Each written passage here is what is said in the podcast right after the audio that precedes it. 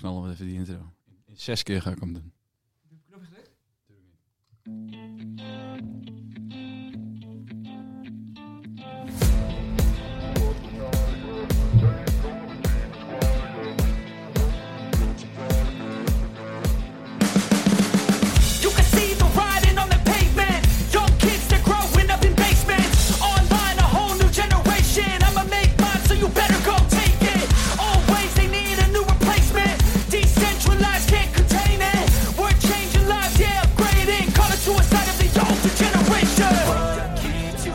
Yeah Make yeah We were built to yeah.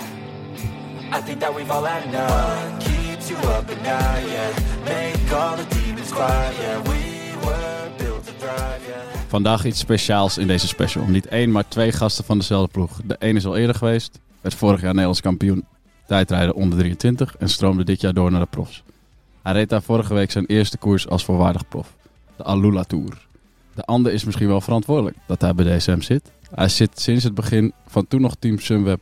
Hij is sinds het begin van toen nog Team Sunweb betrokken bij het development team en is verantwoordelijk voor het ontdekken van nieuw talent. Hoe kom je terecht bij een development team? Hoe goed moet je zijn? Waarom haalt de een het wel en de ander het niet? Welke filosofie komt er kijken bij het scouten van jong talent? We gaan het vandaag allemaal over hebben in Clubhuis Team Lucas. Sinds dit seizoen prof bij team DSM 4 PostNL en Lijnse en scout bij hetzelfde team Hans Timmermans. I think that we've all had enough. What keeps you up at night, yeah. Make all the demons quiet, yeah. We were built to thrive, yeah. I think that we've all had enough. Yeah, I think that we've all had enough. Sick of dealing with the old plan They know that we're causing them wrong You got me like, yeah. I think that we've all had enough. Sick of dealing Ja, zijn we weer. Zijn we weer. voor het eerst. Wie is er nog meer van ons? Jan, Jan, Jean. Ook eh, naar DSM natuurlijk. Daarvoor zit je hier. daarvoor zit ik in. Ja, heel goed. en eh, aan de overkant Enzo, welkom. Dankjewel. Even kort, hoe was de Alula Tour? Zanderig. Oké, lekker. En dan eh, Hans Timmermans, welkom. Dankjewel.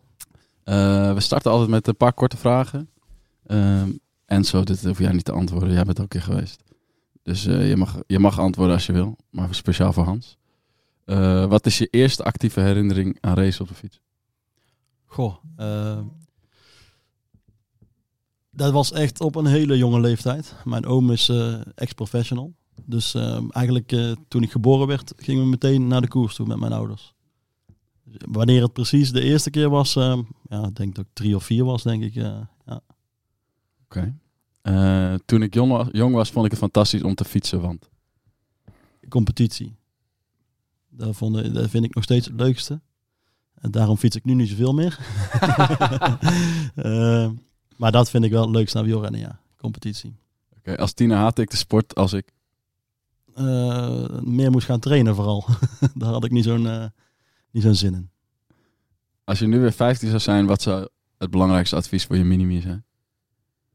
Ehm, ja, ik denk meer van genieten hè, van die periode. Ik denk, eh, je hoort vaak terug van eh, dat ouders zeggen op die leeftijd van eh, geniet er nu van, want later wordt het allemaal veel meer, meer, veel meer verantwoordelijkheid. En op dat moment denk je van, waar praten ze over? en nu kom je er wel achter, zeg maar. Ja. Hoe oud ben je nu, als ik vraag Bijna 40. Oh. Eigenlijk is het wel grappig, want eh, de laatste twee podcasts die ik geluisterd heb zijn met Thomas en Nicky. En die zijn van mijn generatie, alle, allemaal van 1984. Ja. Ook gewonnen, vast, of niet? Eh, bij de jeugd van Nicky wel. Maar die werd dan echt... Eigenlijk is Nicky vanaf de junioren wel echt beter geworden. En Thomas was eigenlijk meteen, eh, toen die kwam, ja, heel goed. Zeg maar. En die was ook... Eigenlijk was dat de beste junior van de wereld zelfs. Dus. Oké. Enzo, wil jij een van de vragen beantwoorden? Interesseert je niet? Ehm, ja, ik weet niet zo goed eh, wat mijn eerste actieve herinnering aan wielrennen is. Maar het zal waarschijnlijk op of de tv of bij de lokale wielerclub eh, zijn geweest waar mijn vader dan eh, aan het fietsen was. Oké, mooi. Enzo nu eh, prof bij DSM. Ben je gescout door Hans? Weet je dat? Ja, ik denk het wel, hè. Maar Ja, ja. het was een eh, ja, berichtje via, ik denk Facebook toen de tijd. Ja. En, eh, dus ik denk dat Hans erachter zat. Ja, nee, klopt, ja. ja. We gebruiken zelfs nog Facebook, maar dat is een beetje ouderwets hè, tegenwoordig. Voor de opa's en oma's. ja, precies. ja. Dus daar gebeurt niet zo heel veel meer op, maar we hebben het nog wel. Eh, dat is echt gewoon een, eh, een recruitment Facebook, zeg maar. Dus niet van mij persoonlijk, maar eh, vanuit de ploeg aangemaakt. Maar dat is natuurlijk niet waar we hem gescout hebben op Facebook. We hebben hem gescout op de koers. Vanwege de mooie foto. Oké, Mooi foto's. Mooi kopie. hoe, hoe gaat zoiets in... eh, laten we beginnen bij het begin. Of heb jij een prangende vraag meteen? Nou, ik denk dat het leuk is voordat we beginnen met hoe dat van Enzo tot stand is gekomen. Dat we weten hoe jij bij het DSM of Sunweb of voorlichter terecht bent gekomen. Van Ja. zelf fietsen naar scout worden en welke opleiding en voortrek daaraan. Ja, ja. Ehm, nou, ik, ik was dus wielrenner tot mijn 23ste. Maar ik had in mijn laatste jaren al wat door dat ik eigenlijk het coaching gebeuren eigenlijk leuker vond dan het, eh, dan het wielrennen zelf. Dus ik was ook een beetje captain van mijn ploeg. En eh, ik had het geluk eigenlijk dat eh, mijn ploegleider Arthur van Dongen was. Nou, dat, die zit nu bij, bij Visma. Ook een tijdje mijn collega geweest bij, bij Sunweb trouwens. Ehm, dus die zei eigenlijk meteen tegen mij van ja, we hebben een juniorenploeg waar geen ploegleider op zit op dit moment. Is dat niks voor jou? En ja, ik was eigenlijk heel blij met dat eh, aanbod. Eh, dus dat heb ik toen eerst eh, vier jaar gedaan. En ook, dat is misschien wel het bijzondere, altijd met het idee van ik word, dit wordt mijn beroep. Zeg maar, dus was echt een investering van me. Dus ik deed nog steeds halftime, parttime werken. En de andere fulltime coach eigenlijk nog de- daarnaast. Ehm, toen na vier jaar dat gedaan te hebben, ben ik bij de KMU opgevallen. En toen werd ik, eh, ehm, hoe noemen ze dat? Ehm, commissie wegsport, coördinator onder 19 categorieën. Dus dan ben je eigenlijk heel veel op pad met, eh, met de bondscoach. In die tijd was dat Piet Kuijs. Ook heel veel eh, geleerd van hem. Ehm, en toen viel ik eh, daardoor eigenlijk op bij, bij op dat moment Giant Shimano. En dat is eigenlijk wel een grappig verhaal. Ik, ik ben in juni ingestroomd omdat de coach destijds gezondheidsproblemen had. En mijn eerste koers was eh, voor, voor de vrouwen de grootste koers van het, eh, van het jaar. De Giro. eh, dat was mijn eerste koers met ze, zeg maar. En ja, toen de tijd, nu is dat veel veranderd. Maar dat was eigenlijk gewoon het niveau van, ja, doe maar een rondje hier in de buurt. Programmaboekje en alles. Dus ik stond in één keer midden in de Giro met totaal geen weet. Met een grote bus en eh, staf onder me. En zes heel ambitieuze meiden, professionals. Eerste keer vrouwen ook gecoacht. Dus het was best wel een, eh, een bijzondere ervaring. Ja. En was je toen al coach of was je toen scout? Of Nee, toen was ik, ik ben echt tot en met 2021 coach geweest bij hoofdzakelijk de vrouwenploeg. En in de eerste aantal jaar, drie jaar, vier jaar nog eh, gedeeltelijk bij de mannen en bij het development team. Maar eigenlijk eh, bijna niet, zeg maar. Nee. En vooral bij de an- verantwoordelijke coach van de vrouwenploeg. En daar deed ik eigenlijk ook de scouting van. Ehm, en zodoende viel ik ook eigenlijk op van, oké, dat op een gegeven moment werden we echt goed bij de vrouwen. En dat was ook wel gedeeltelijk door de scouting. En toen scouting meer en meer belangrijk werd, eh, toen zei de ploeg van, dat is misschien wel iets voor jou om dat te gaan doen bij de hele ploeg. Ook bij het development team en bij de World Tour mannen. Was, was het toen al een scouting afdeling? Is dat een aparte afdeling? Of is het ontstaan? Nou, we hadden wel een verantwoordelijke coach toen. Ehm, die, eh, ja, die was eigenlijk aan het coördineren, de scouting. Dus ik had altijd wel overleg met de verantwoordelijke coaches. Ehm, en daardoor kwamen we natuurlijk ook in, in discussie over bepaalde renners. Onder andere over Enzo in die tijd.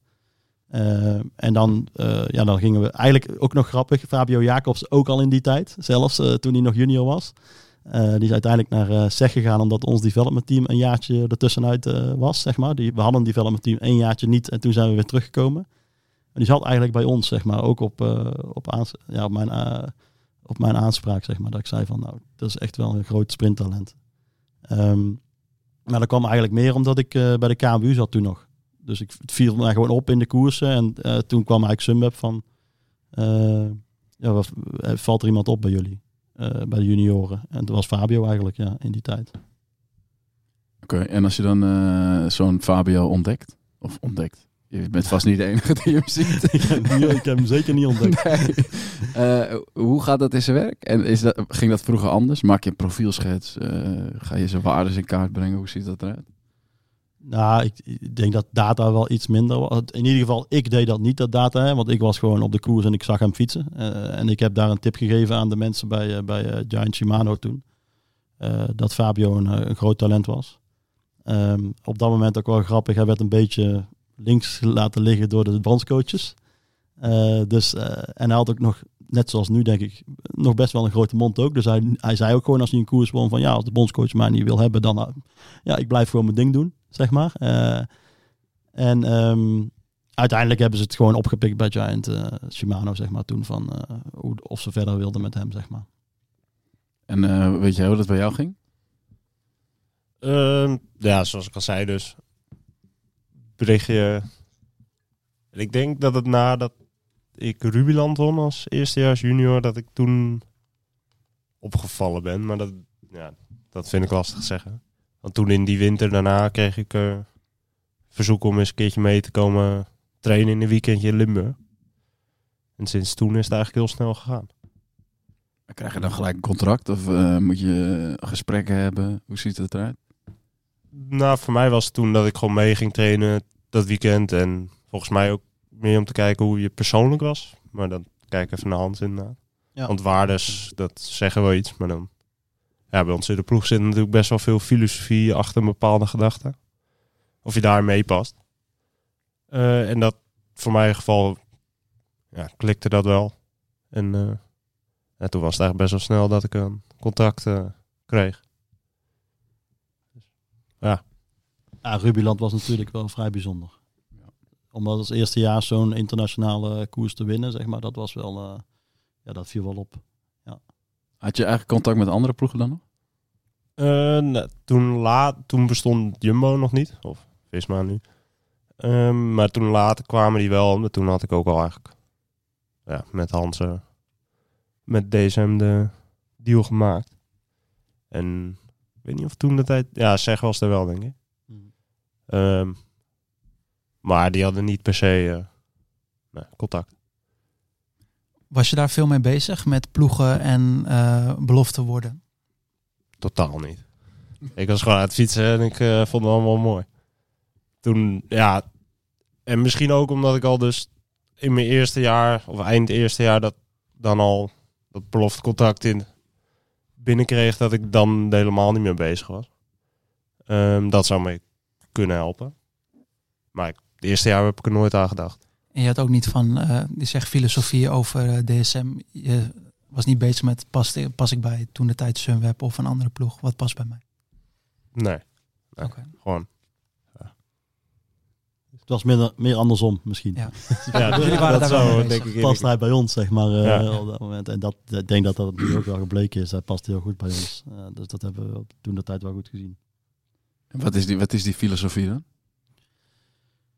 Nou ja, ik denk dat, eh, dat er veel structuur is, zeg maar. Hè? Dus daar moet je wel inpassen. Eh, ik, las toevallig net een eh, interview van, van Fabio, waar hij waar die over de transitie sprak. Ja, ik denk dat het, dat het af en toe een beetje te veel uitgelicht wordt. Het is echt niet zoveel anders bij andere ploegen. Alleen ja, het is het, het wij zijn vaak wel de eerste ploeg die dan bijvoorbeeld met protocollen begint. En eh, ja, in die tijd was dat eh, in eerste instantie iets heel erg fantastisch. Want wij wonnen heel veel grote koersen en dat kwam allemaal door de protocollen. En ja, op een gegeven moment gaan, eh, gaan we, gaat de media erop zitten dat het dat juist het is- ding is waarom we een keer niet presteren. Zo gaat dat vaak. Ehm, maar we doen eigenlijk niks anders, denk ik, dan, dan andere ploegen daarin. Alleen we proberen innoverend te zijn. Dus dat is denk ik topsport, dat je continu bezig bent van oké, wat is de volgende stap die je kunt maken met je ploeg. Ehm, en daarbinnen, hebben- ja, ik denk dat Enzo eh, daar ook een voorbeeld van is. Dat we bij ons ook wel echt teamwork willen leveren. Dus er moeten ook wel renners passen in een specifieke rol. En eh, bij, niet zozeer bij het development team, maar uiteindelijk wel bij de World Tour. Je- je- als je de beste bent in, je, in jouw rol, dan is dat ook eh, prima om prof te worden natuurlijk. Wat is je rol nu? Ehm, controleur. Beetje bek op kop rijden. Ja. En, ja, ik vind het niet erg. Zeker Nee, als je zo. Saudi pakken met Casper die eerste overwinning. En dan, eh, ja, dan is het wel leuk op kop rijden hoor. Als de man in de Leidenstrui de dag erna achter je zit. Dan ja, geeft veel voldoening. Wat zijn je ambities daarin? Wil je ontwikkelen in eigen voor jezelf gaan of nog beter worden in dat op kop rijden? Eh, ja, beter worden op kop rijden, dat is gewoon sterker worden. Dus dat zou misschien altijd wel het globaal doel zijn. Maar ik wil zeker zelf ook wel meer ontwikkelen meer wel een finale kunnen rijden. Niet per se voor mezelf dan, maar ook in teamverband gewoon eh, ja, belangrijk zijn, maar wat dieper in de finale. En dat past ook allemaal goed bij de ploeg. Ik denk het wel. Zeker nu wat meer sprinters eh in die sprintkant op willen. Denk ik dat het wel past. En als je, je bent natuurlijk nu, zijn jullie weer eigenlijk terug bij hoe jullie waren, de sprintploeg, bij de profs. Ga je daar dan ook op scouten of ga je eh, scout je heel algemeen? Je wil gewoon de beste rennen. Ehm, nou, eigenlijk, eh, dat, je hebt eigenlijk twee manieren daarin. Dus de e- één manier is dat je bij de jongeren probeer je gewoon eigenlijk eh, ja, de, de grootste talenten eruit te vissen. Dus dan kijk je nog niet zoveel, zozeer naar, eh, naar het profiel daarvan. Eh, ik denk dat er bij de ook nog vrij klein vijvertje is waar die grote talenten rijden. Eh, het zou eigenlijk het mooiste zijn als ze ook nog, nog, nog geen uitslagen rijden. Dat, dat, is, dat is pas echt scouting, denk ik. Eh, dat je niet op Pro Cycling Stats zit te kijken van wie heeft er allemaal gewonnen. Maar dat je gewoon echt probeert, eh, oké, jongens eh, die opvallen in de wedstrijd. En aan de andere kant heb je ook ehm, eh, ja, ons performance team die gewoon uiteindelijk gewoon de vraag stelt aan mij van we zoeken iemand in, dat in dat profiel. Ja, we, wie hebben we? Zeg maar, wie zijn er vrij op dit moment en wie zien we daar in zo'n positie? Nou, en, en Enzo was vorig jaar, en eh, hij zegt het goed denk ik, eh, vorig jaar al eh, wel in beeld voor die, voor die positie waar hij nu in zit. Maar dat, natuurlijk hopen we ook dat hij door gaat ontwikkelen naar de toekomst toe. En hoe goed moet je zijn om bij een development team te komen? Ben je dan al top 10 bij de junioren? Of kan het ook zo zijn dat je ergens vijftigste wordt? Dat kan, ja. Ja, ja dat kan. Ja, die zitten er, je zit er erbij die, eh, die bijvoorbeeld nog wel best wel wat eh, facetten missen van de wielersport. Die bijvoorbeeld eh, de powerwaardes wel hebben, maar bijvoorbeeld niet kunnen dalen of moeilijk hebben in een peloton te rijden. En wij zijn wel een ploeg die, die dan wel die uitdaging aandurft te gaan, denk ik. Zeg maar, met zo'n renner. En dat, en dat even zo'n voorbeeld is bijvoorbeeld Michael Storer. Ja. Die heb ik gescout in Giro Valle d'Aosta. Dan was boven op de berg, was hij met de allerbeste mee. Van zijn leeftijd onder 23 categorie, maar onder had hij vijf minuten verloren. Zeg maar. En dan op de volgende klim ging hij weer naar voren. Zeg maar. Dus dan is het gewoon zaak van gaan met die jongen praten. Eh, en staat hij ervoor open om, ziet hij het überhaupt, dat dat echt wel een ding is waar hij aan moet gaan werken. En staat hij ervoor open om er ook echt aan te werken. Michael Storer won twee etappes in de Vuelta, toch? Uiteindelijk wel, ja. ja. En toen ging hij weg. Ja. waarom, waarom ging hij weg? Eh, ja, waarom ging die weg? Ik, weet niet. niet Zou je, zou je hem moeten vragen eigenlijk? Ik, hij is er niet bij hier, dus eh, ik weet niet waarom dat hij wegging. Ik heb hem er niet over gebeld, maar eh, ik denk wel dat hij achteraf misschien ook wel denkt van misschien was dat toch wel eh, te vroeg in ieder geval. Laat ik het zo zeggen. FDG is het ook niet helemaal. Hij is daar nu ook weer Hij is weg, nu ook weer weg daar. Dus. Ja, ja, Oh. ja, ja, Ben ik toch slecht op de hoogte. Waar rijdt hij nu? Tudor volgens mij. Ja, hè? Tudor. Oh, ja. Ben je ook verantwoordelijk voor de Sam Welsford eh scouting? Eh, Sam, ja, ik, ben, ik heb hem niet ge, ik ben niet de eerste die hem gezien heeft. Nee, nee. Dat is de, we hebben een Australische coach, Luke Roberts. En die kwam eigenlijk met, eh, die komt eigenlijk altijd terug uit eh, deze periode van het jaar met let op deze jongen. Nu ook weer trouwens. Dus misschien komt er wel weer iets aan op dat gebied. En was met Sam hetzelfde, want Sam kwam van de baan. Was wel echt wereldklasse op de baan. Ehm, en eh, had de ambitie om, eh, om topsprinter te worden op de weg. Ja, ik zat, ehm, ik zat eh, de Nations Cup van Australië te kijken op de baan. En toen reden we in de ploegachtervolging. Ja, hij is nou natuurlijk weg, maar toen ging ik ook even zoeken. En toen, hij reed eerst bij de Australische baanselectie. En niet bij een ploeg of een clubploeg in Australië. En een jaar daarna zat hij opeens bij DSM. Dus dat is wel interessant. En ja, nou won hij natuurlijk twee, één, twee etappes in Down Under. Maar daar ben jij niet eh, specifiek verantwoordelijk voor. Nou, niet, niet in zoverre. Luke Roberts heeft hem gezien. Zeg maar. En die, heeft, eh, die is door, een, eh, door andere mensen erop gewezen van eh, dit is echt een heel bijzonder eh, talent. Zeg maar. En eh, hier moeten we kijken of, eh, of we hem eh, kunnen omscholen. Zeg maar. Daar komt het eigenlijk op neer naar een wegrenner, wegsprinter. Kan ik, eh, hoe stel je bijvoorbeeld, dat is een totaal andere vraag, eh, hoe stel je een development team samen qua karakters en leeftijden en mensen die al heel ver zijn en alles nog moeten leren? Wordt daar specifiek naar gekeken of gooi je een groep jongens bij elkaar die talent zouden hebben en we gaan ze begeleiden? Nou, de, de- zeker de, de, de, de, de, junioren die overkomen, dat zijn vaak gewoon wel echt eh, renners die we scouten op, eh, op het fysieke of op in ieder geval het, eh, het talentaspect, zeg maar. Waar we zeggen van oké, dat zijn echt hopelijk in de toekomst onze kop, kopmannen. Maar ook dit jaar hebben we wel weer een aantal jongens eh, erbij gezet die, eh, die wat ouder zijn, die wat meer ervaring brengen. Eh, omdat we ook wel gemerkt hebben in het verleden dat dat wel nodig is soms. zeg In het maar. development team. Dus eh, we hebben vorig jaar hebben we natuurlijk Frank van den Broek eh, daar laten instromen. En dit jaar hebben we Ben Pietfield. En nog iemand? Johan Dorissen, die was ook al ouder. Of Die niet? is wel iets ouder, ja. ja nou, dat, dat is ook wel eh, ja, een, een mooi verhaal, zeg maar. Een jongen die eigenlijk nooit eh, volledig voor de sport geleefd heeft. En dan nu dan die stap gaat maken, zeg maar, om uh, langzamerhand. Want ook nu eh, werkt hij nog eh, voor een deel. eh, maar langzamerhand richting professional eh, eh, hoopt te gaan eh, worden, zeg maar. En wat maakt eh, DSM of de opleidingsploeg eh, van DSM speciaal? Waarom zouden talenten naar DSM moeten gaan in plaats van een andere opleidingsploeg? Ik denk dat het vooral... eh, eh, het is een procesploeg, zeg maar. Dus het betekent dat, je niet, eh, dat er niet te veel gefocust wordt op... je moet nu komende week die koers winnen, daarin. Dus het is wel... Natuurlijk, ze maken met elkaar plannen... maar het is vooral met het idee van... oké, je moet ooit wild toe gaan worden... en daarin moet je langzamerhand stapjes gaan maken... door onafhankelijk te worden. Nou, Enzo is, is daar een goed voorbeeld van... omdat hij ook gewoon op het Keep Challenging Center is gaan wonen. Daar twijfelen hier mensen aan.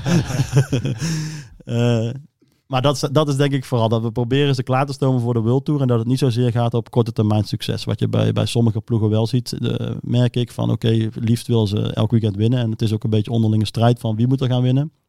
Eh, dat is bij ons meer met het idee van oké, we rijden als team en in proces richting wat later komt.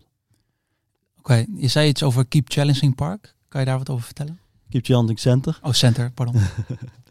Ja, we hebben in het zuiden van het land, in, in de Limburg, in Sittard, eh, hebben we een, eh, een Keep Challenging Center. Dat is eigenlijk wel heel bijzonder. Er zijn 28 appartementjes. Gewoon eh, midden in een woonwijk eigenlijk. Dus een nieuwbouw. Ehm, en daar wonen eigenlijk al onze renners van het development team en van de vrouwenploeg en ook enkele World Tour renners, zeg maar. Die wonen daar en die krijgen vanaf daar ook begeleiding vanuit, vanuit onze coaching. En daar heb je ook gezeten. Ehm, ja, en ik Zit eigenlijk nog steeds. En hoe is dat? Eh, ja, fijn, eh, goed. Je hebt je eigen appartement en eh, ja, zoals een sportschool en dingen zijn dichtbij. En best wel vaak, ja, ik weet niet, ik ben er nu een tijdje niet geweest. Maar er lopen ook op coaches en trainers wel eens in de ronde. Dus je zou in principe altijd iemand snel bij de hand hebben. Ja, mocht je wat hebben. Ja, ik ben er erg fan van. En dan ben je op je 18e naartoe gegaan dan. 17, Of was, 18. ik- ja, 18 of 19, ik weet niet zo goed hoe oud ik was. Jaar is meteen. Is dat dan... eh, het is natuurlijk wel gewoon nog in Nederland. Maar ik neem aan dat die Australiërs er ook gaan zitten. Is dat dan voor sommigen niet heel moeilijk om... eh, je bent, sommigen zijn heel jong. Eh, niet alleen qua leeftijd, maar ook mentaal natuurlijk. Is dat voor sommigen niet heel moeilijk om die stap juist te maken? Nou, juist voor Australiërs niet, zou ik zeggen. Want die kunnen ook niet meer zo snel naar huis. Dus eh, het is een beetje eh, moeilijk, zeg maar, om eh, als je zondag gekoerst hebt, om dan naar huis te vliegen, na de koers. En dan volgend weekend weer terug te komen. Dus maar wat mijn ervaring is eigenlijk, is dat, dat er heel veel van die gasten zitten een beetje op te wachten om thuis weg te gaan. En, en wat is er nou mooier om gewoon meteen een appartement te krijgen vanuit de ploeg. En daar met elkaar te leven. Want uiteindelijk, dat is het mooie natuurlijk. Je hebt allemaal dezelfde droom. Dus eh, als het goed is, ben je ook motiverend naar elkaar toe om die droom te verwezenlijken. Eh, het is niet zo dat ze allemaal samen trainen altijd. Ze hebben allemaal een eigen trainingsschema. En als het met elkaar eh, overlap heeft, dan, dan weten ze elkaar wel te vinden. En buiten die trainingen, ja, dan, dan zie je ze ook wel bij elkaar in de algemene ruimte zitten. Waar ze, wat we in het midden hebben zitten, is een algemene ruimte waar we ook een tafeltennistafel hebben staan. En waar we ook onze meetings houden met, als groep. En waar ook een kleine gym zit. eh, waar ze gebruik van maken. Dus ja, daar zit eigenlijk, eh, ja, wat dat betreft is van alle gemakken voorzien. Ja. En hoe heb jij dat gezien in jouw proces? Veel vrienden gemaakt? Veel vijanden? Ja, denk het wel. Ik moet ook zeggen, ik zat er vooral natuurlijk met Casper, die ik al vanuit de jeugd kende. Dus ik, eh, de eerste, zeker in het begin, deed ik heel veel met Casper samen daar. Gewoon, eh, ja, om de beurt koken en dat soort dingen. Maar ja, zoals je al zei, als je ja, stuurt een appje in een groep van eh, ik ga vier uur fietsen, wie gaat er mee? En dan eh, volgende dag vertrek je met vijf, zes man. Dus dat is eigenlijk altijd wel eh, makkelijk. En, ja, of ik vijanden heb gemaakt, weet ik niet. maar ik Waarschijnlijk wel, want als jij begint te brommeren, dan, eh, dan zijn ze zo klaar mee. Dat doe ik nooit. Nee.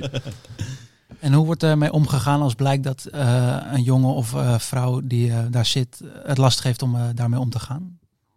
Ja, dan gaan we wel met ze in gesprek van hoe dat we ze kunnen helpen daarmee. Hè. Dus dat gebeurt natuurlijk ook wel eens. En dan gaan ze wel eens naar huis, eh, een periode. Maar dan gaan we ermee spreken van hoe gaan we dit werkbaar houden. Zeg maar. Want uiteindelijk is het wel, terugkomen op de eerste vraag, ja, we hebben wel een, een filosofie bij de ploeg. En dat is wel leidend daarin natuurlijk. En op het moment dat we echt te ver van die filosofie af moeten gaan, dan, ja, dan gaat het ook gewoon niet werken. Uiteindelijk. Heb je dan wel eens afscheid genomen van talenten waarvan je dacht, fysiek zou dit echt eh supergoed zijn, maar dat werkt niet binnen onze ploeg? Ja, natuurlijk, ja. ja, ja. Maar goed, ja, fysiek is één aspect. Hè. Dus er komt zoveel meer bij kijken om, eh, om uiteindelijk een topper te worden. Ja, er zijn genoeg voorbeelden van die fysiek misschien net iets minder zijn, maar die het dan juist mentaal het verschil maken. Zeg maar daarin. En ja, dat is denk ik wel voornaam. Eh, Jerry komt weer even tussendoor hoor. Die zit nooit aan tafel, maar hij lult gewoon We weer. we hebben het de hele tijd over talent, hè? En je zegt nu ook al, het heeft natuurlijk meerdere aspecten. Als jij, Pak even die microfoon. Kom eens hier. Ja joh. We hebben het de hele tijd over talent, hè? En, en, en je zegt net, het zijn meerdere aspecten. Maar als je talent scout, waar kijk je daarnaar? Want inderdaad, iemand moet de trainingsarbeid kunnen leveren.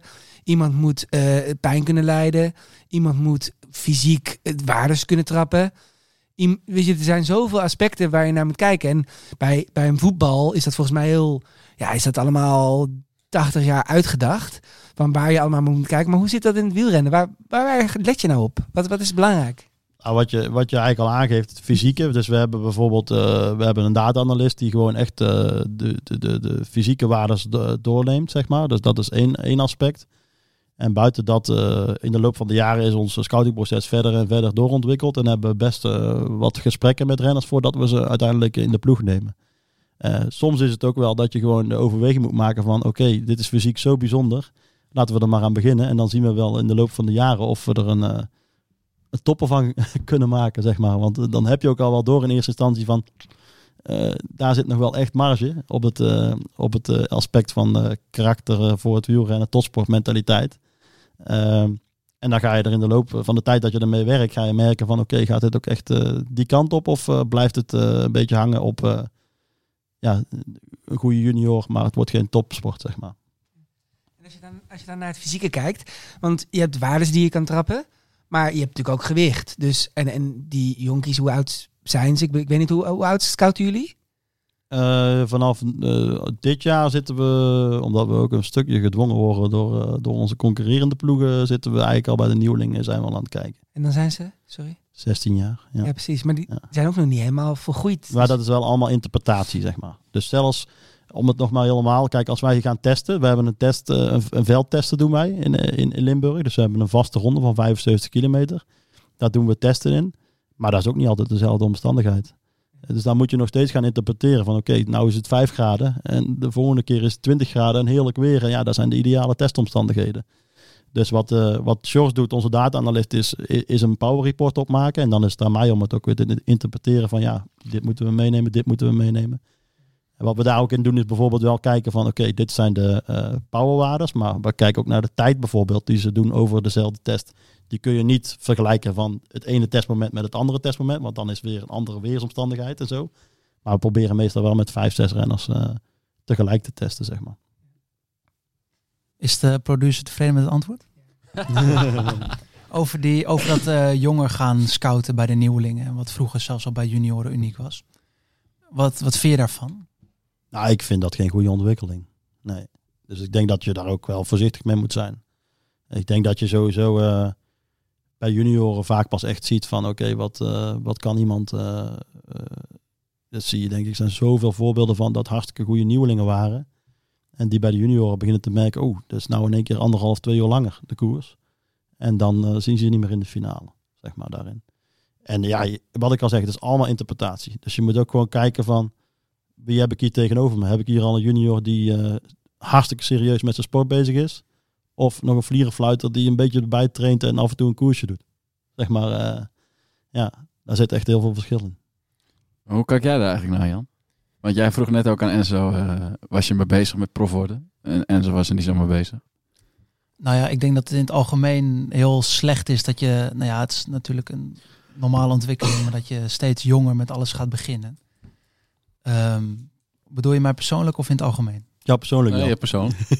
Nou ja, ik, ehm, ik zie voor mezelf jongens om me heen waar ze allemaal staan en hoe zij ermee bezig zijn. En dan probeer ik me daar nou ja, mee te vergelijken of mezelf daaraan op te trekken. En me daarin te verbeteren. Maar ik zie eh, mezelf niet, eh, nog niet bij een development team rijden. Daar ben ik nog lang niet. Maar heb je dan, eh, want je stelt de vraag natuurlijk vanaf hoe oud ben je aan het scouten, heb je het idee van, oh, ik heb mijn kans al gemist. Want je bent nieuweling geweest al. Oh, zo, ja. Ja, dat gevoel eh, heb je wel. Maar je bent gewoon, denk ik, bezig met eh, zelf beter worden. En op een gegeven moment op dat punt komen dat je wel in aanmerking komt. Maar als je hoort dat bijvoorbeeld ehm, voor Jumbo nou al een nieuweling heeft getekend om in eh, over twee jaar naar de belofteploeg te gaan, dan is dat heel snel. En dan, als je ziet dat ze nou bezig zijn met nieuwelingen, ja, waar gaat het dan heen? En ik denk dat het dan op een gegeven moment gaat exploderen dat er een eh, dat het een keer heel erg fout gaat en dat ze dan weer gaan denken van we moeten dat mentale aspect veel serieuzer nemen voor de jonge mensen die aan om doorgaan. Ja, weet ik. Ik weet niet. Ik, ja, ik denk dat het ook gewoon maatwerk is. Hè. Dus ik, eh, ik denk als je, als je dan zo jong, zo jong scout, ja, dan moet je ook niet verwachten dat hij het- jaar erop meteen alles topsport is. Dan moet je ook gewoon langzamerhand brengen dan. En, en kijk, uiteindelijk is het zo. Het is vaak van, eh, van buitenaf krijg je druk natuurlijk, maar het is ook wat je zelf ervan maakt. Hè. Dus dat, eh, die druk die voel je zelf en daar moet je denk ik in begeleid worden. Van oké, hoe, ga je daarmee om? Eh, want het is, ja, ik, ik heb hem hier ook wel eens in de, in de, in de podcast gehoord. eh, Jelle is ook zo'n voorbeeld daarvan. Ja, het is uiteindelijk ook... tuurlijk, je hoort de hype eromheen. De beste test op de Kamerrig en noem maar op. Maar het is, ja, voor ons is het niet meer dan... Oké, de beste test op de Kamerrig, ja. hij gaat naar Jumbo. Ja, oké, leven gaat weer door. Maar zo'n jongen die voelt dat van... Oké, nu moet ik wel eh, de beste van de wereld gaan worden, zeg maar, daarin. En ja, daar moet je denk ik in begeleid worden. En hoe duidelijk is voor jullie zichtbaar met wat voor persoon je te maken hebt in deze situatie? Ja, dat is wat ik net eigenlijk aangeef. Hè. Bij sommigen ben je best wel ver, hè. dus dan ga je best wel eh, door gesprekken. Wij gaven net voor de podcast het voorbeeld van Casper van Uden. Nou, dat heeft een half jaar geduurd met eh, best wel vaak, eh, best wel veel gesprekken daar, daarin ook. Dus dan weet je wel met wie je eh, gaat werken, denk ik. Dat is denk ik ook wel uitgekomen, uiteindelijk. Maar bij andere jongens zeg je van, oh, ja, we gaan hem niet mislopen, dus we moeten hem nu tekenen. Ja, dan ga je dat pas eigenlijk merken op het moment dat je ermee aan het werk bent. En het is, je ziet van tevoren al wat voor persoon het is. Of dat verschilt, dat ontwikkelt zich ook nog. Wanneer je met iemand bezig bent. Ik hoop wel. Ja, ja nou, dat ontwikkelt zich sowieso. Maar ja, je, soms heb je een idee. Maar je, ja, je weet het nooit zeker natuurlijk. Hè. Je moet het ook zo zien. Soms zitten er jongens aan tafel die heel graag naar ons willen komen. Dus die gaan zich eigenlijk daar, daar ook natuurlijk naar, eh, naar vormen op zo'n moment. En eh, dan is het aan mij en aan mijn collega's eh, die mij daarbij helpen om er doorheen te proberen te prikken. Dat is denk ik ook bij ons een, manier van, van, van gesprek voeren met de renners. Zeker nu, de laatste jaren is wel echt gewoon eh, ja, meer doen dan alleen maar eh, een renner binnenhalen, maar ook erachter komen of wat, wat zit erachter, zeg maar, achter die renner. En, eh, concurrentie wordt natuurlijk steeds groter. Little Track heeft nu weer een Devo-team. Er zijn steeds meer Devo-teams. Beginnen de junioren ook een beetje eisen te stellen? Omdat ze heel veel keuze hebben? Of gaan ze niet gek doen? Ja, dat is zeker zo. Hè? En niet alleen, de, niet alleen de junioren zelf, maar eh, ja, je hebt dan ook rider agents die nou tegenwoordig bij junioren eigenlijk ook eh, schering en inslag zijn. Dus eh, ook een ontwikkeling die misschien wel niet helemaal de goede kant op gaat. Je hebt hele goede erbij trouwens. Hoor. Dus wat dat betreft, die probeer ik ook wel echt te adviseren aan, aan renners om in ieder geval je huiswerk te doen en niet bij de eerste de beste manager maar mee in zee te gaan. Maar ja, dat is wel een dingetje natuurlijk. Dus je moet wel, eh, je moet wel eh, weten met wie je in zee gaat. Want het is ook een stukje carrière bepalend. Sturen ze dan eh, de manager naar je toe? Als, je, ze- als er 17 zijn? Die zijn erbij. Ja? Ja, ja zeker. Wat goed. ja, die zijn erbij, ja. ja, ja. En, dan- en dan Maar ja, je- moet het zo zien. Als jij een groot talent bent bij de junioren. En je krijgt tien berichtjes, belletjes. ja, dan word je op een gegeven moment ook van... ja, daar, waar is die manager dan voor? Ja, die is voor dit soort dingen toch? Ja, Dus echt steeds meer voetbal. ja ik denk wel dat het eh, langzamerhand steeds meer... Twee, drie jaar geleden eh, zei ik al van... Oké, nou, binnen een jaar of vijf staan we gewoon bij de jeugd te kijken. Zeg maar... eh, Verandert dat het plezier in je werk? Nou, ik, ik, ik sta sowieso al altijd eh, bij de jeugd te kijken. Maar dat is ook gewoon uit plezier voor mijn werk en eh, passie ervoor. Dus ik ben bijvoorbeeld ook naar het NK Cross geweest. En dan krijg ik inderdaad de vraag van, sta je te scouten? ik zeg, nou, ik sta helemaal niet te scouten. Ik sta gewoon te kijken wie het allemaal, hoe ze het allemaal doen. En of ze plezier in de sport hebben. En ook heel interessant om te zien hoe de ouders eromheen bewegen. Eh, of er ouders bij zijn die het hele parcours mee rondlopen. Of dat er ouders bij zijn die gewoon eigenlijk heel rustig langs de kant staan en, en gewoon genieten van een kind. Eh, dat zijn altijd wel interessante dingen. Ook naar de toekomst toe natuurlijk. Want je komt ze waarschijnlijk een keer tegen. Zeg maar eh, als ze nieuweling junior zijn. En ehm, net iets anders weer. Wat is jouw persoonlijke ambitie? Ehm, ja, wat is jouw persoonlijke ambitie? Wil je nog betere scout worden of eh, omhoog groeien in DSM of een eigen ploeg beginnen? Hoe zie je dat voor je? Nou, ooit was de ambitie om een eigen ploeg te beginnen. Maar dat is wel een beetje afgenomen. Omdat ik wel een beetje zie bij, mijn, eh, bij, mijn, bij Iwan, eh, de baas, van hoeveel daarin gaat zitten. Zeg maar. eh, en wat je daar ook voor moet kunnen. Wat denk ik mij niet, zo, eh, niet zoiets voor mij is, zeg maar. Eh, dus ja, eigenlijk, eigenlijk wat ik nu doe, dat, eh, dat vind ik gewoon hartstikke leuk. Om die, om die eh, talenten te scouten. En eh, eh, zeker in een juniorentijd eh probeer ik ze nog een stukje te begeleiden. Eh, als ze daarom vragen. Als ze gewoon zelf een coach en een trainer hebben, allemaal prima. Eh, dan moet je vooral dat blijven doen. Maar als ze erom vragen, dat vind, ik vind het eigenlijk dat vind ik wel leuk, zeg maar. En uiteindelijk is natuurlijk de bedoeling dat je daar, eh, de, als je praat over ambitie, hoop je natuurlijk de nieuwe Tour de France winnaar te scouten. En daar ben je altijd naar op zoek, eh, naar, dat- naar dat soort talenten. En heb je hem gevonden? Ik moet nou ja zeggen natuurlijk. We gaan het zien, de toekomst gaat het uitwijzen. Het is niet Enzo, denk ik, of wel? Zeg nooit nooit, hè? Kijk, heel goed. Ehm, hoe, eh, hoe beleef jij zo'n proces van... eh, we hebben het natuurlijk gehad over ouders, over eh, de druk die je voelt. Had jij het idee dat toen je een contract tekende, dat je meer druk had, dat je minder druk had? Dat je nu echt moest laten zien, ik moet toch naar DSM of Sunweb toen? Mm, bij de junioren niet, eigenlijk. Het bleef, ja, misschien is dat omdat ik gewoon relaxed of zo ben op die manier. Maar het was nog steeds gewoon, ja, natuurlijk wou, ik wou, die koers bij de junioren gewoon om dat ik wou winnen, zeg maar. Dat is nooit weggegaan. Dus voor mij veranderde dat niet per se. En ik weet niet of ik het als druk ervaarde toen of iets. Misschien bevrijden dat je niet die stress hebt die sommige jongens misschien hebben die naar een belofteploeg moeten per se of ja, nog naar zo'n contract zitten te, te zoeken, zeg maar. Dus ja, het is voor mij nooit meer of minder stress geweest. En prof 6. Geen idee. Alles ging gewoon vanzelf. soort van. Krijg je ook al een fiets eigenlijk, bij de junioren? Nee. Jullie, geven, Eh, jullie geven er nu wel bijna iedereen een fiets, toch? Ja, hij is gewoon vergeten. Hij is- Hij kreeg hem wel. ja, Ondank- ondankbaar, hè? ik, ik, wou het, ja, maar ik zat aan een wegfiets te denken, maar nee, eh, voor de tijdrit wel. eh. En dat, dat heeft ook wel geholpen eh, toen. Ja. Die tweede plek. En eh, ja, de- maar ja, ik zie ze inderdaad wel af en toe nu op eh, de Schotse Ja. langs fietsen. Ja, het is nu. Ik denk dat het in die tijd, en dat is nog niet eens zo lang geleden, hè? dus eh, was dat echt iets bijzonders.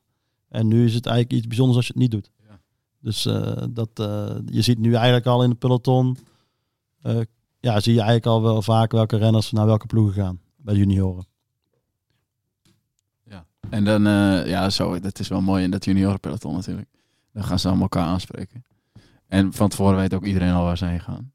Ehm, tekenen jullie... Jij was getekend bij eerstejaars, toch? Eind, Eind eind eerste eerste jaar. Wordt dat dan ook nu jonger? Dus dat je al, eh, stel een eerstejaars wint een koers, je hebt het idee, eh, dit past in het plaatje, we moeten gelijk tekenen. Nou ja, niet na één koers, maar het is meer van wat zie je zeg maar in die koers. En wat, je probeert er ook achter te komen wat er allemaal achter is gekomen, waardoor die door die winst is gekomen, tot die winst is gekomen uiteindelijk. Dus het is niet, eh, wat ik al zeg, het is geen pro cycling stat scouting. Dus, eh, dat zie je nog wel veel van, oké, we hebben een uitslag gereden. en dan, dan moet die renner maar meteen prof worden. Of, nee, ik denk, dat- ik denk dat het sowieso wel meer en meer is dat, dat er meer wordt gekeken naar wat, eh, wat er achter schuilt, zeg maar. Niet alleen bij onze ploeg, maar ook bij andere ploegen merk je wel dat dat steeds meer... eh, eh, en dat uitslagen zelfs niet, niet eens het ding zijn. Het kan ook gewoon zijn dat je iemand toevallig tegenkomt en dat je zegt van, oh, dit is wel bijzonder. Ik, ik kan me nog herinneren, Oscar Only. En toen kreeg ik een appje van een, eh, dat was volgens mij in coronatijd, kreeg ik een appje van een renner die een onder 23 koers reed in Frankrijk, Ronde l'Isoire. En die zei van, de jongen die rijdt hier een Grand Fondo tijdrit, die is gewoon rapper als de onze, zeg maar. En hij was junior. Ja, precies. Ja. Hij was junior en, en onze jongens waren onder 23. Eh, dus het was niet eens op basis van een eh, uitslag eh, dat- we dat terug konden vinden, maar op basis eigenlijk van een, van een renner en een coach die gewoon oplettend waren en zagen van oké, dit is wel dit is iets bijzonders wat hier, wat hier gebeurt. En in hoeverre is je werk zelf scouten en een beetje leads krijgen? Dus is dat een beetje 50-50? Of moet je wel echt zelf eh, naar de koers? Nou ja, ik, ik krijg zeker leads ook, zeg maar. Dus ik krijg zeker Lucas, die, eh, die appt mij af en toe. Ik heb er eh, 19. ja, nou, nou, zo heb ik er wel meer ploegleiders of coaches. Die, eh, je kunt jezelf wel indenken eh, hoe dat, dat gaat. Dus, eh, en dat, eh, dan is het nou uiteindelijk gewoon zelf ook weer eh, kijken van oh, in hoeverre dat het echt een, eh, een, eh, een groot talent is. En dat kan soms zijn door, eh, nou, eh, in het geval van, van, van de jouw renners, eh, om ze uit te nodigen voor een testerronde. En dat, kan, dat gebeurt vaak wel, zeg maar. Want ik neem dat altijd wel serieus. Ja, wel een eh, tip naar alle ploegleiders. Niet zomaar iedereen aan, eh, aanspreken dat ze goed zijn. Beetje realistisch blijven. Ja, dat is een goeie, inderdaad. Het scheelt een hoop werk ook. Ja. En anders word je ook niet meer serieus genomen. Is het eigenlijk makkelijker geworden? Omdat volgens mij nu, ja, ik kijk naar Jan, bij de junioren volgens mij alles wordt meer al professioneel eigenlijk bij de junioren, materiaal, training. Is het dan makkelijker om te scouten of is het juist moeilijker? Dat misschien meer, meer mensen al eigenlijk aan hun max zitten. Zeg maar van, dan lijkt ze heel goed. Nou, het is, het is eigenlijk een beetje wat ik zeg, van je moet niet per se kijken naar, naar, naar die renners, maar je moet ook proberen er doorheen te kijken. Zeg maar. Dus Ja, eh, als ze bij die eh, tegenwoordig de junior ploegen rijden, dan moet je eigenlijk al weten van ze hebben al heel veel gefaciliteerd. Eh, ja, hoeveel marge zit er dan nog op uiteindelijk? Dat is een beetje waar je moet achter zien, moet eh, zien te komen. Ja. en, zo, en, en dat wil niet altijd alles zeggen. Hè. Het kan ook zijn dat ze gewoon bij een kleinere ploeg rijden, maar dat ze ook al heel veel voor elkaar, alles heel goed voor elkaar hebben. Dus, maar je hoort nu ook al renners die op hoogtestage gaan bij junioren. Ja, dan, dan weet je van oké, wat is de marge richting de profs dan, zeg maar, daarin. Je kunt het zien als een ervaring natuurlijk, maar als het echt is puur en alleen om, eh, om de volgende stap te maken, zeg maar, eh, als junior, omdat je goed moet zijn op een EK of WK, ja, dat is wel een, eh, ja, een, re- een bijzondere ontwikkeling, laat ik het zo zeggen. Wanneer ging jij voor het eerst op hoogtestage? Weet ik nog niet. Nog nooit geweest. Dat is ook wel interessant. Dus er zit nog wat in. Er zit nog eh, hoop groei in. Hoe was eigenlijk het verschil tussen eh, een beetje je eerste... Je hebt alle jaren belofte gedaan bij eh, de opleidingsploeg, toch? Ja. Oké, hoe was het verschil een beetje van dat je eerstejaars was, je komt net kijken... ehm, en dat je laatstejaars bent? Heb je dan wat meer, ehm, eh, zeg maar, leiderschap binnen die groep? Eh, kan je meer voor je eigen kans? Hoe ziet dat eruit? Eh, nou ja, het eerste jaar was sowieso natuurlijk het eerste jaar met corona voor mij. Dus waar ik, ja, ik weet niet, misschien eh, tien koersdagen heb gedaan. Dus dat is natuurlijk helemaal niks. Maar ja, het laatste jaar was ik zeker meer de captain in elke koers die ik misschien startte. Omdat je natuurlijk gewoon de ervaring hebt, eh, ja, hoe we werken. En, ja, hoe een koers misschien zich uitwikkelt. Of ontwikkelt. Ehm, dus in dat betreft was ik zeker meer ja, de oudere geworden. Wat wel gek was. Ik zag wel een groot verschil, vond ik zelf, zeg maar, met die eerstejaars van vorig jaar. En dan mezelf en de jongens van mijn leeftijd die ik kende. En, maar dat is logisch, denk ik, dat je... Welk verschil dan? Eh, ja, gewoon, ja, dan voel je jezelf heel oud ineens. Omdat je misschien iets meer, ja, hoe noem je dat? Pro- Professioneel bezig bent. En dan niet per se professioneel, maar gewoon, ja, niet zo, eh, hoe noem je dat? Vliegen, fluiten, gewoon weet ik veel wat. Bent. En dan niet per se in de koers hoor, dat niet. Maar gewoon in het algemeen ook. Ehm, dus waar ik denk dat dat logisch is dat je, als je ouder bent, dat je dan meer die leiderrol op je moet nemen of krijgt. Zo. Dat is het grootste verschil. Is dat ook iets waar, waar jullie dan eh, op inzetten? Dat je als je ouder wordt per se eh, leiderschap hebt? Want volgens mij is niet iedereen per se een leider. Nee, maar ik denk dat het wel iets is waar ze gewoon eh, gedurende de tijd dat ze in het development team zitten in ontwikkeld raken. Zeg maar. Dus eh, ze krijgen daar wel taken van oké, eh, deze koers ben jij de captain. En dat hoeft niet per se altijd de beste captain voor die koers te zijn, maar het is wel een stukje ontwikkeling voor ze. Dus dat proberen ze wel bij te brengen. Ja. Ja. En ja, als je bijvoorbeeld kijkt naar een, toekomstige kopman, ja, dan is het ook wel fijn dat je een beetje kunt, kunt sturen in de koers, zeg maar. En als je dan een hele introverte jongen bent die eigenlijk dat nog nooit gedaan heeft, dan is het wel zaak om dat te gaan leren, denk ik, eh, in het development team. Dus wij proberen ze dat wel bij te brengen. Ja. En ik heb wel eens bij zo'n meeting gezeten. Dat, dat is wel mooi om te zien. Ja. Dat is echt gewoon alleen maar eh, voor de coaches is het vooral echt eh, erbij zitten en een beetje bijsturen. Maar vooral die renners laten, laten doen, zeg maar. En hoe is dat nu dan? Nu ben je, nu ben je prof. Profs, Ben je, weer, ben je weer een beetje een kleine mannetje, vliegen fluiten? Nou dat niet. Maar ja, als je dan met een John Degenkolb rijdt, dan merk je wel dat die man zoveel ervaring heeft natuurlijk. Dat hij, ja, dan ben je weer de jonge gast die eh, zij, eh, die hem leert, zeg maar. Hij mij leert, zo bedoel ik. Dus, maar ik denk dat dat gewoon natuurlijk gaat. Maar aan de andere kant, John die werkt wel weer voor Casper in zo'n wedstrijd. Dus dat zegt ook niet al. Is Casper dan degene die dat aanstuurt? Of is, is John dan degene die het aanstuurt en Casper probeert een beetje die... eh, of stuurt eh, Casper wel echt die trein aan? Eh, ik denk dat vooral wel... Nou ja, John is redelijk vroeg. Maar ik denk dat Casper wel echt naar zijn... Echt zijn mannen vooral eh, daarop vertrouwt. Want ja, na Lula hadden we dan Niels en Bram Melten volgens mij als laatst. Ja, en die zijn ook gewoon... Die weten ook wat ze doen. Dus volgens mij heeft Casper vooral daarop eh, vertrouwd en hun gevolgd. En niet... Ja, zoals we zelf wel in die finale ook zijn dingen hebben gezegd. Maar ik denk vooral hun volgen en dat hij gewoon alleen hoeft te sprinten. Maar dat is wat. Ik ben al, al lang weg in die laatste kilometer.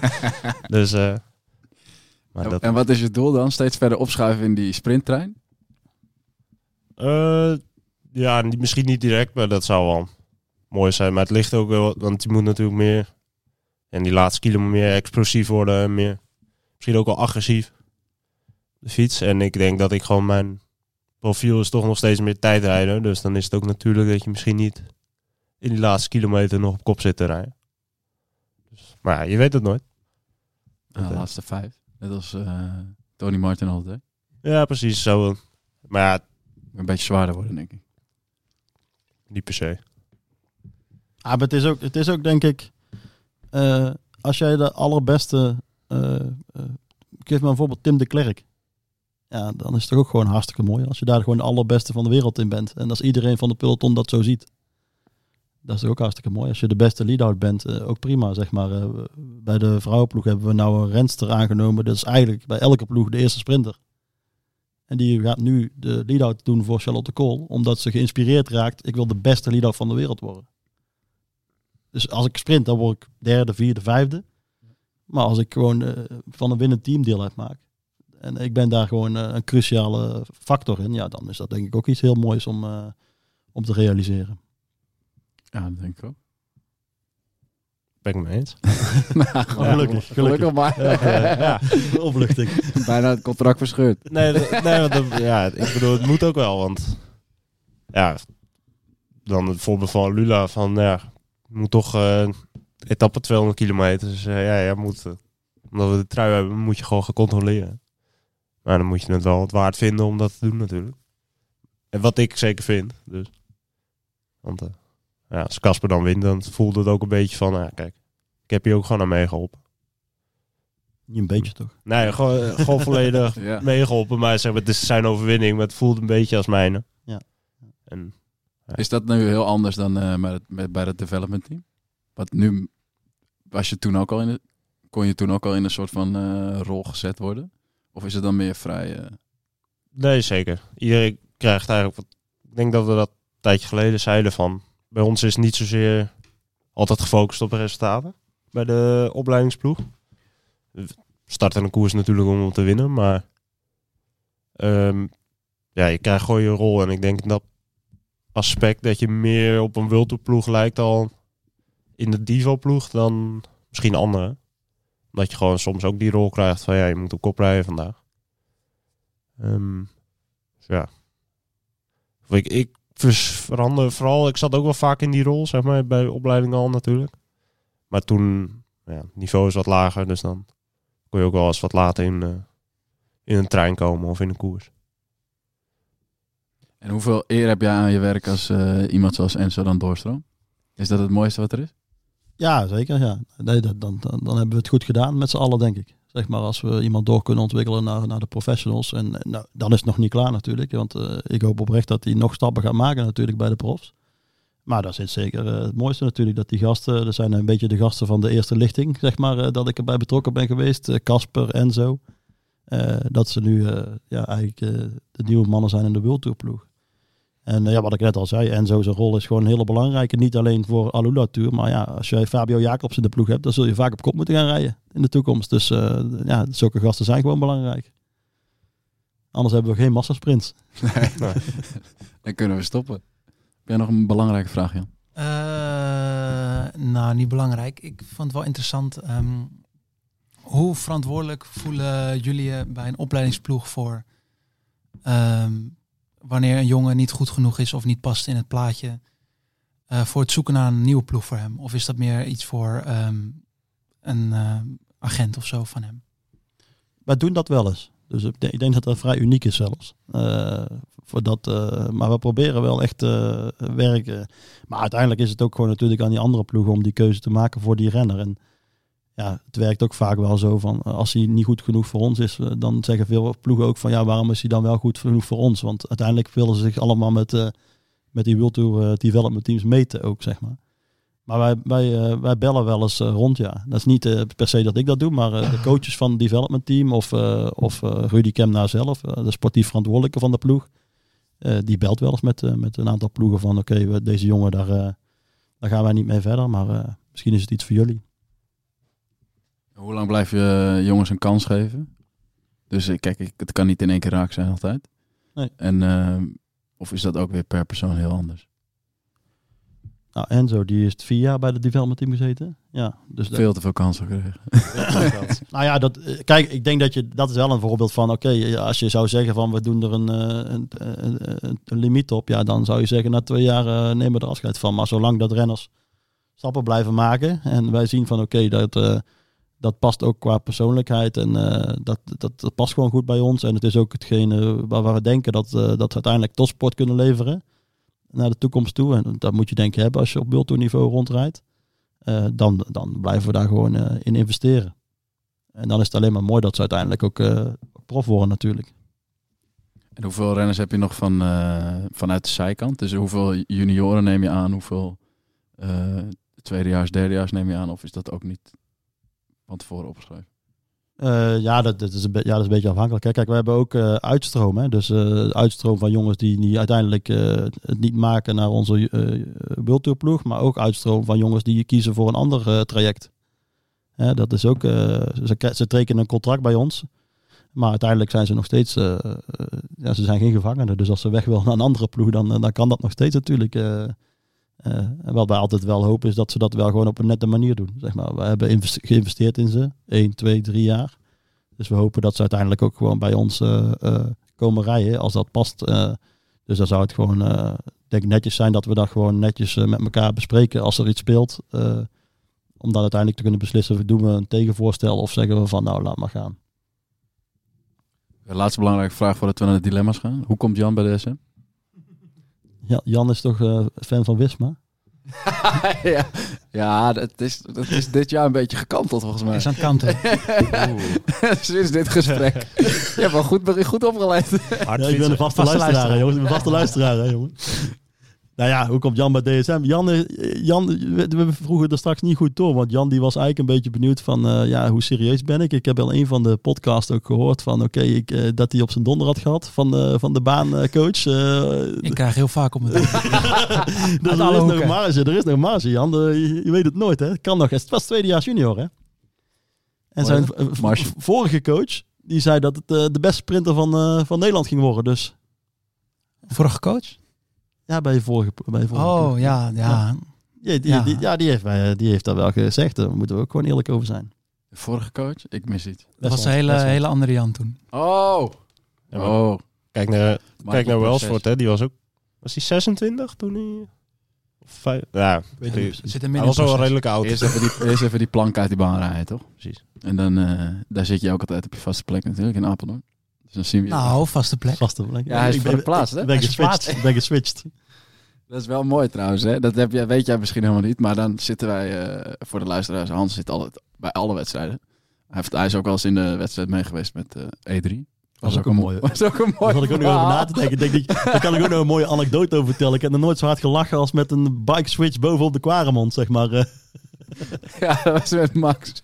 Ja, dat was goud. En ik wou zeggen, die jongen trapt eh, hoge waardes. Maar ja, ook nog stappen. Ja, een goede fiets. Hebben we het ook over gehad, hè? En, eh, maar ja, Hans zit altijd een vaste plek op de tribune. En dan eh, zeggen die jongens altijd, kijk, de scouts zijn er ook weer. De scouts. ja, zo gaat dat dan. Tel voor twee. Ja. Tel voor Ja. twee. nee, er zitten, er zitten wel eh, mensen in de buurt natuurlijk. Iedereen die aan de andere kant van de eh finishzijde zit, of bondscoach of scout altijd. Zo Ja. werkt dat. Oké, Zit wel vaak in de buurt, ja. we gaan eh, naar de dilemma's. Jan, heb jij nog een moeilijke vraag? Of gaan we naar de Voordat dilemma's? we, nee, gaan we naar de dilemma's. Oh, er komt nog een vraag van Jan, van eh Jerry. Jan, als er dan scouts zitten, hoe voelt dat voor jou? Nou, het voelt voor mij niet... ehm, ik heb niet het gevoel dat er naar mij wordt gekeken. Ehm, dus voor mij verandert er niet heel veel, denk ik. Ik vind het grappig dat hij er zit.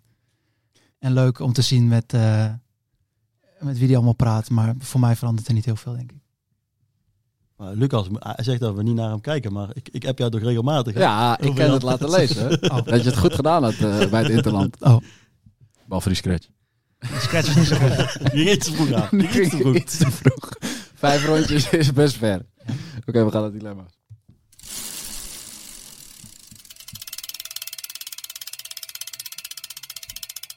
Nooit meer op de baan fietsen of nooit meer in het bos. Nooit meer je beste maat zien of wereldkampioen worden. Nooit meer in het wiel plakken of nooit meer los uit de peloton. Dit is de laatste ronde in Clubhuis Team Lucas. De dilemma. De dilemma's. Oké, Jan, heb jij er wat voorbereid? Ik, heb, eh, ik begin wel. Oké, de nieuwe toerwinnaar ontdekken en drie ren- renners die het niet halen. Of vier volwaardige profscouten. Dus ze gaan allemaal door het development traject. De nieuwe toerwinnaar. En die andere drie... eh, De nieuwe mooi. Past dat in de filosofie van deze? Ja, ik denk de, de, de nieuwe toerwinnaar, dat is natuurlijk het, eh, zoiets speciaals. Als je dat voor elkaar krijgt, dan... eh, en het mooiste zou zijn als hij nog niet zo goed is. Nou, ik ben benieuwd. Nieuwe toerwinnaar, meld je aan. Ehm, een Nederlandse tour in etappewinnaar binnen de ploeg halen of een buitenlandse toerwinnaar? Een Nederlandse toer en etappenwinnaar? Ja, dus je haalt een Nederlander binnen die etappes gaat winnen. Of je haalt een buitenlander binnen die de tour misschien wel gaat winnen. Of gaat winnen. Poh. Eh, Denk aan een nieuwe sponsor. en Belg, hè? Belg is ook buitenlander, Oh ja, hè? dat is nee, ja, dan ga ik toch voor de toerwinnaar, denk ik, ja. Hoe, hoe, is, hoe is dat eigenlijk? Want ehm, ik zat toevallig vandaag even het lijstje te kijken. Dit jaar hebben jullie vier Nederlanders binnen de Divo-team. Vier of vijf, dacht ik. Eh, is daar, eh, wordt er speciaal, omdat je inderdaad nu een Nederlandse eh, hoofdsponsor erbij hebt. Moet je dan meer Nederlanders scouten? Of is dat, wordt daar niet over gesproken? Ah, als de Nederlanders goed zijn, dan... maar we gaan niet Nederlanders om de ploeg op te vullen, natuurlijk. als ze gewoon echt goed zijn, ja, dan, dan, dan, dan graag. Zeg maar naar ons. En heeft een, heeft een sponsor daar nog invloed op? Niet, niet direct. Maar ja, je, kunt zelf ook nadenken natuurlijk. Als wij een Nederlandse en. Belgische sponsor hebben, dan, eh, dan zijn daar er meer belangen bij. Om, da- om daar wel, eh, maar het moet niet zomaar een Belg of zomaar een Nederlander zijn. Het moet wel echt eh, een talent zijn waarvan we zeggen van, dat kan iets worden naar de, naar de toekomst toe. Heb jij nog een dilemma eigenlijk? Nee, ik had wel een voorspelling, maar ik weet niet of dat... Oh ja, dat doen we aan het einde. Een kleine prediction. Heel, de, heel die ploeg op. op ik denk eh, alle huisjes stort in. Op, het, op het park. Ehm, oh, deze is voor Enzo. Omdat je er toch bent. Eh, je bent prof. Oké, prof worden nooit een koers winnen. Of eh, ga je liever een niveautje lager rijden en heel veel winnen? Daarom prof en geen koers winnen. Is dat ook een prediction meteen? Sorry? Was dat ook meteen een prediction? Nee. hè? Nee, was geen prediction. Eh, ik heb jij nog een dilemma, Jerry? Nou, mooi. Dan eh, kom maar met je prediction. Ja, ik had dus... Het gaat, het gaat wel over baanwielrennen. Oh, oké. Maar over de Olympische Spelen. Ik had dus de Nations Cup in eh, Australië gekeken. En Ellie Wollenston, ik weet niet of de naam iets zegt, Ja, eh, ja. Nieuw-Zeelandse, die wordt Olympisch kampioen Omnium. Oh, ik dacht dat het echt iets met DSM te maken Nee, nee, niks met. Nee, En nou, lekker dan.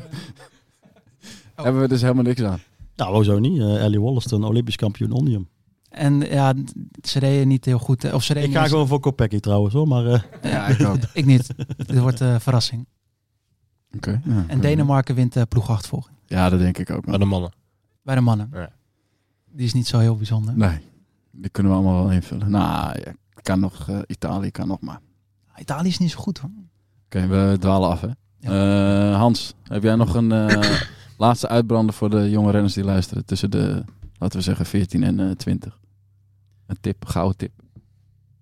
nou, ik, ik vond eh, de, de laatste tips waren vrij goed. En ik denk dat ik daar ook gewoon bij blijf. Dat je vooral eh, moet herinneren waar je ooit, eh, waarom je ooit begonnen bent met wielrennen. Zeg maar. En nou, niet te ver in, in, doorgaan denken als je nieuweling of junior bent van eh, ik moet nu presteren. Of eh, gewoon, gewoon wielrennen omdat je het leuk vindt. En, eh, en ook gewoon vooral doen wat je leuk vindt in het wielrennen. Dus als jij zegt van ik vind het leuk om te trainen, dan ga je lekker trainen. En als je het leuk vindt om wedstrijden te rijden, ga je lekker wedstrijden rijden. En dan komt het uiteindelijk vanzelf wel een keer naar boven. Zeg maar waar je goed in bent. Ja, Enzo? Nee, ik denk inderdaad dat... eh Ik sluit me erbij aan. sluit me de baan, want eh, ja, als je, als, je naar, als je talent hebt, komt het vanzelf wel eh, naar boven drijven, denk ik. En dan, zeker als je het gewoon leuk vindt, dan gaat het vanzelf, als het goed is. En tegenwoordig zijn die scouts zo goed, joh. Dat ga je altijd ontdekken. Dat ga je altijd ontdekken. kijken er wel doorheen. Nou, mooi. Dit was de... Hoe was de aflevering? De Geen Idee is de aflevering van eh, Clubhuis Team Lucas. Podcast gemaakt Des Media en Team Lucas. Volgende keer eh, aftrap van het nieuwe seizoen. Eh, ons nieuwe seizoen. Vanuit eh, waarschijnlijk zonnig Mallorca. Oh. Eh, volg ons op de socials. En dan ondertussen... Hang, hang. I